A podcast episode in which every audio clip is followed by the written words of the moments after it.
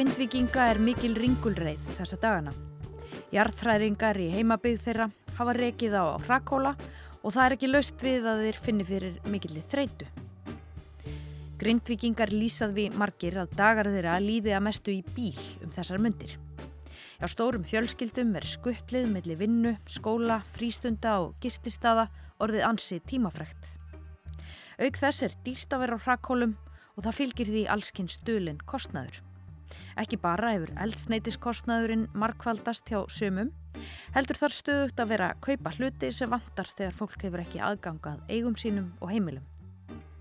Ég heiti Þóra Tómasdóttir og í þetta helst í dag ætlum við á rúndin með rannvegu Jónínu Guðmundsdóttur sem þekkir þetta af eigin raun. Hún og eiginmaður hennar, Guðmundur Andri Bjarnason, eiga saman sinina Fridrik Frans, 17 ára, og Stefan Loga sem er 12 ára. Við hefjum leika fyrir utan bráðabyrða heimili fjölskyldunar, þaðan sem rúndurinn hefst flesta daga. Viðtali var tekið í gær, degi eftir að glóandi hraun rann inn í hverfið þeirra í Grindavík. Herðu, við erum startar í langkoltinu í Keflavík eða Reykjanesbæ, ég segi alltaf Keflavík, uh, í húsi sem bróður hans Ava á, sem að við vorum bara svo lánsum að geta farið í eftir að við þurftum að rýma Grindavík þann 10. november. Byrjuðum reyndar í sanggerði hjá sýstir hans tendapappa en síðan vorum við komin hinga bara tveimur dögum setna mm. og verðum bara líklega hérna eins lengi og við getum eða þurfum, raun og veru. Og þegar þú segir við, hver eru það? Það er ég og maðurinn minn og strákarnir minn er tveir og hundurinn okkar og mamma og pappi. Hvernig er að vera komin í svona sambíli, fjölskyldu sambíli? Það hefur gengið svona upp og ofan. Það er náttúrulega bara fengu allir sjokk þegar að eldgósi hófst þarna 18. desember. Ég ætla ekki að neyta því, þetta hefur reynd á bara allt hjá okkur. Það er náttúrulega allir búinir að, við erum ekki búin að búa heima hjá fóröldurum mínum í 20 ár og allir komnið með sína vennjur, ég kom með fjölskyldu og gæludýr og og annað slíkt.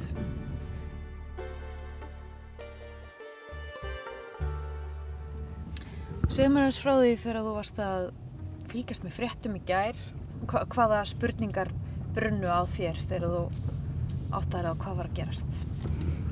Uh, ég vakinn bara klukkan átta í gerðmorgun af yngri stráknum og svona opnaði hurðina valli og bara mamma, það byrjaði að gjósa og ég bara hoppa á rúminu samt einhvern veginn læðist hoppandi til þess að vekja ekki manni minn og mömmu og pappa og alla og ég skoða síman og það er engin skilabóð og ekki neitt og svo fyrir við fram og kveikjum á rúf og þá náttúrulega bara blasir þetta við manni og svo var þetta svona eiginlega allir dagurinn var eins og að horfa á stórslisamynd þú veist, en þið langaði samt ekki að horfa en þú varst samt í aðalutverki og svo náttúrulega þegar sprungan opnast þarna bara inn í byggðinni bara rétt fyrir neðan húsið okkar eða í hverfin okkar þá fór alveg um hann. Þá eiginlega bara svona hendi maðurinn hangklæðin og fröys og vissi ekkert næstu skrif að því að maður hugsaði bara þarna leika börn sér, sér á hverju einsta sumri og við förum þarna út að labba með hundin okkar að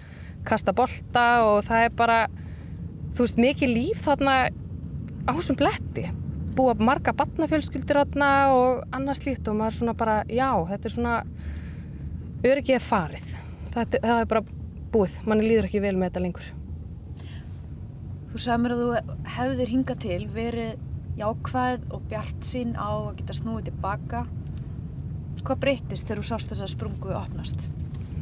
Náttúrulega bara mest í ótti okkar grindvikinga það væri semst kvika undir grindavík. Maður var alltaf svona ég viðkynna það alveg, ég var alltaf alveg efins um að væri ykkur kvika eða væri möguleik að myndi gjósa heima bara í byggð. En svo bara einmitt þegar maður horfir á þetta þá bara sprung, stóra sprungan sem maðurum fjall ofan í um daginn, hún er til dæmis bara 20 metrum frá húsinu mín og ég horfi bara á sprunguna af pallinum heima og ég hugsaði bara getur komið kvikugangur í hanna eða hvað, hvað getur gerst, maður, það eru bara svo ótal marga spurningar sem vakna og maður bara það er eiginlega ekki hægt að lýsa hvaða hugsanir fara í gegnum, það fara bara allar eins og þau segja, mögulegar sviðismyndir í gegnum hugan af því að manni líður bara svo ótrúlega illa með þetta allt saman. Þú sagði mér að þegar að þú aðeins sé þess að sprungu og opnast að þá hafi eitthvað breyst og þá hafi verið raun og verið liti á manniðinn og hugsa hvað, hvað er að byrja upp á nýtt. Mm -hmm. Já, við bara sátum þarna öll í sófanum og við vorum eiginlega ekki trúa því að þessi sprunga væri að opnast inn í Grindavík og hjá, þú veist, bara samstagsfólki mínu og, og vinum okkar og frænd, frændsískjunum okkar og öðru, þú veist, við bara, maður tengist öllum sem eru þarna og búa þarna og og ég horfið bara á hann, ég hef gummi, ég bara geti þetta ekki lengur, hvar eigum við að byrja nýtt líf og bara byrja upp á nýtt, þetta er bara, ég verða að finna einhvern greiðastad aftur, ég verða að finna öryggi, ég bara, andlega heilsan, hún bara meikar ekki meira. Lýstaðins aðstæðum ykkar fjölskyldunar? Já, ég er kennari við grunnskóla Grindavíkur en ákvað eftir að það var gefið út að það var í bæði komin skólaskylda fyrir grunnskólabötni Grindavík og að við þyrtum að keira sagt, það er það áfram bara sapskólar á vegum Grindavíkubæri ég var að keira alla leðinin í Ármúla sem tekum mig klukkutíma. Aðra leið þá hvað ég að sækja um stöðu sem var auglist hérna í Stapaskóla sem umsjónakennar á unglingastegi og fjekk hana og yngri strákurum minn Stefán Lógi sem er að verða 13 ára núna bara í lók mánadarins hann er með mér þar. Eldri strákurinn okkar, hann Fridrik hann er í fjölbytturskóla Suðunisja og við erum bara mjög heitna, vel staðsett í Keflavík með við hvar skólinn hans er. Og svo að maðurum minn fyrirtæki sem heitir Verkás og þeir eru í viðhaldi og nýsmíði og öðru slíku. Og fyrirtæki er bara einsás gamalt og þeir voru meðal hans búin að vera að klæða grunnskólan heima að utan til þess bara í svona fyrirbyggjandi aðgerðum bara í sambandi við miklu og annað slíkt og voru að hefja störf að laga allan að innan áður en alltaf gefið út um helginu. Tölum aðeins um það reynir svolítið að útsjóna sem í maðura þessa dagana. Lýsti þess aðeins fyrir mig? Já, þriðja vektin er komin í þriðja veldi. Það er að fylgjast með æfingum og náttúrulega æfa með nýju félagi. Ég er meðal annars gerðir áfyrir því að var ég æfing hjá yngri stráknum á klukkan 17.10 á fymtu degi en síðan var æfingin 16.10 og ég leita á æfingatöfluna klukkan 16.30 þannig að hann mista æfingu þá og svo er ringt í mig til þess að skuttla eða hvar er þetta og það vantar nesti og annars líkt og svo er maður bara svolítið í þessu að skuttla og þú veist, svo er Grindavík líka að æfa í bænum og þegar að maður er í stuði þá skuttla maður á æfingar. Annars bara er þetta svolítið, já, að vera svolítið vakin og sofinni við því líka bara ekki það að börnin hafi allt sem þeim vantar heldur líka bara að þeim líði vel og þú veist ég er bara einmitt svolítið í þeirri vinnu á því að maðurinn minn þarf ónýttanlega að vinna meira heldur en ég þessa dagana. Og hvernig hefur ykkur liðið? Þeir eru búinir að vera magnaðir í öllu þessu. Og maðurinn minn er alltaf með glasið sko það er ekki hálffullt, það er yfirfullt. Og hann horfið á mig um daginn og ég var þarna alveg bara alveg að missa kúlið. Og hann bara veist aðra mig þetta er geggjað þetta er bara fordamöluðs í tímar. Ég kvæli já en hvað meinaru? Ramveig, það er enginn að fara að gangi gegnum þetta nema við grindvikingar og þetta er bara pínu æfintýri pínu klikkun en þá ekkert eftir að brjóta okkur eftir þetta. Það við bara tökum öllu í framtíðinni bara, þú veist, með baki breytt og bara stöndum bara keika eftir þetta. Og ég var bara eitthvað nennur að hætta þessu en það er rosa gott að hafa gumma með sér í liði hann er besti hérna, tímplayerinn sko.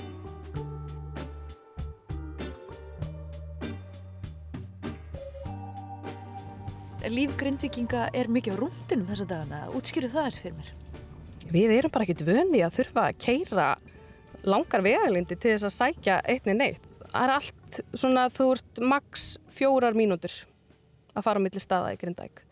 Það var bara, já, fjórar mínútur í rættina, ég var mínúti í búðina, tvær mínútur í vinnuna. Lífið var ótrúlega einfalt í Grindæk. Núna eru bara allir á við og dreif. Þú veist, allir vinir barnana og vinir okkar og já, þetta er bara, þetta er óþólandi. Maður er bara ógisla þreyttur á þessu.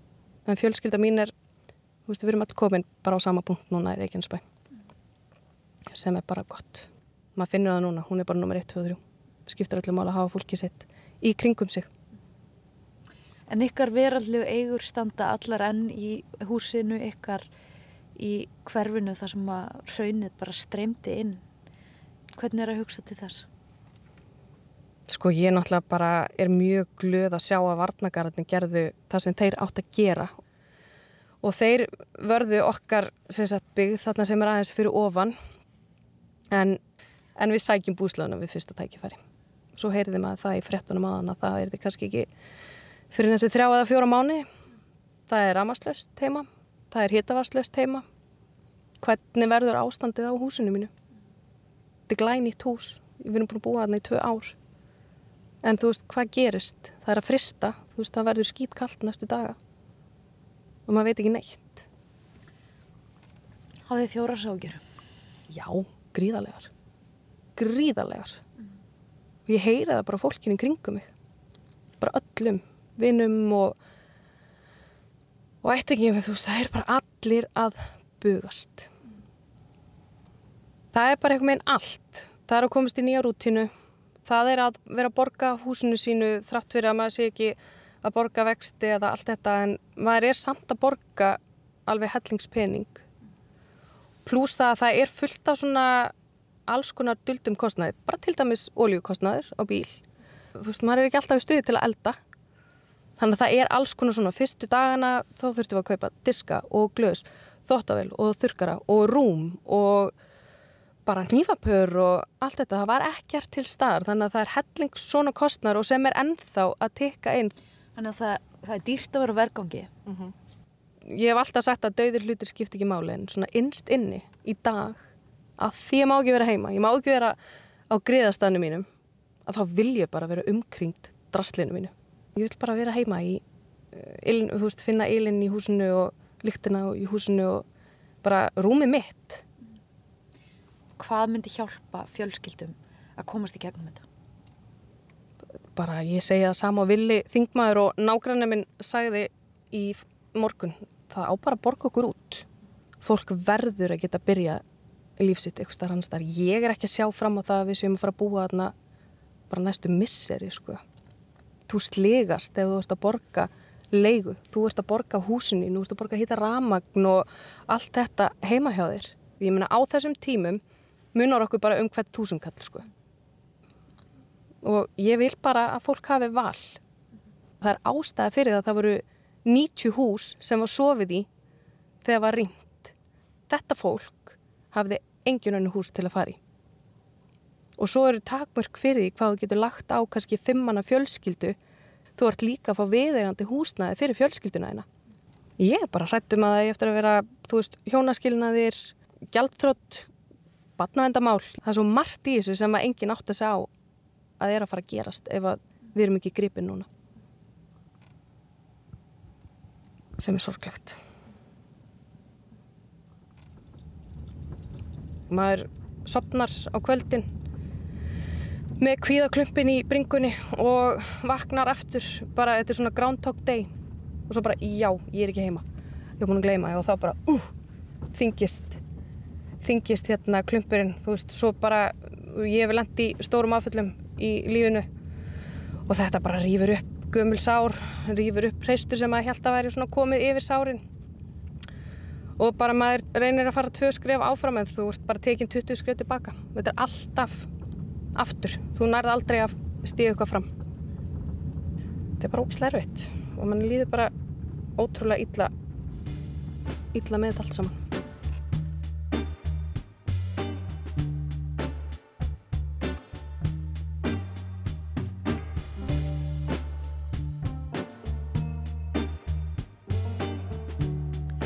Hvaðjum rannvegu Jónínu Guðmundsdóttur í hlaðinu þar sem við hófum leika. Á þessu bráðaberða heimili stórfjölskyldunar er streymi af gestum, grindvikingum sem að ráða sínum ráðum og reyna að ná utanum atbyrrarás undarfarina daga.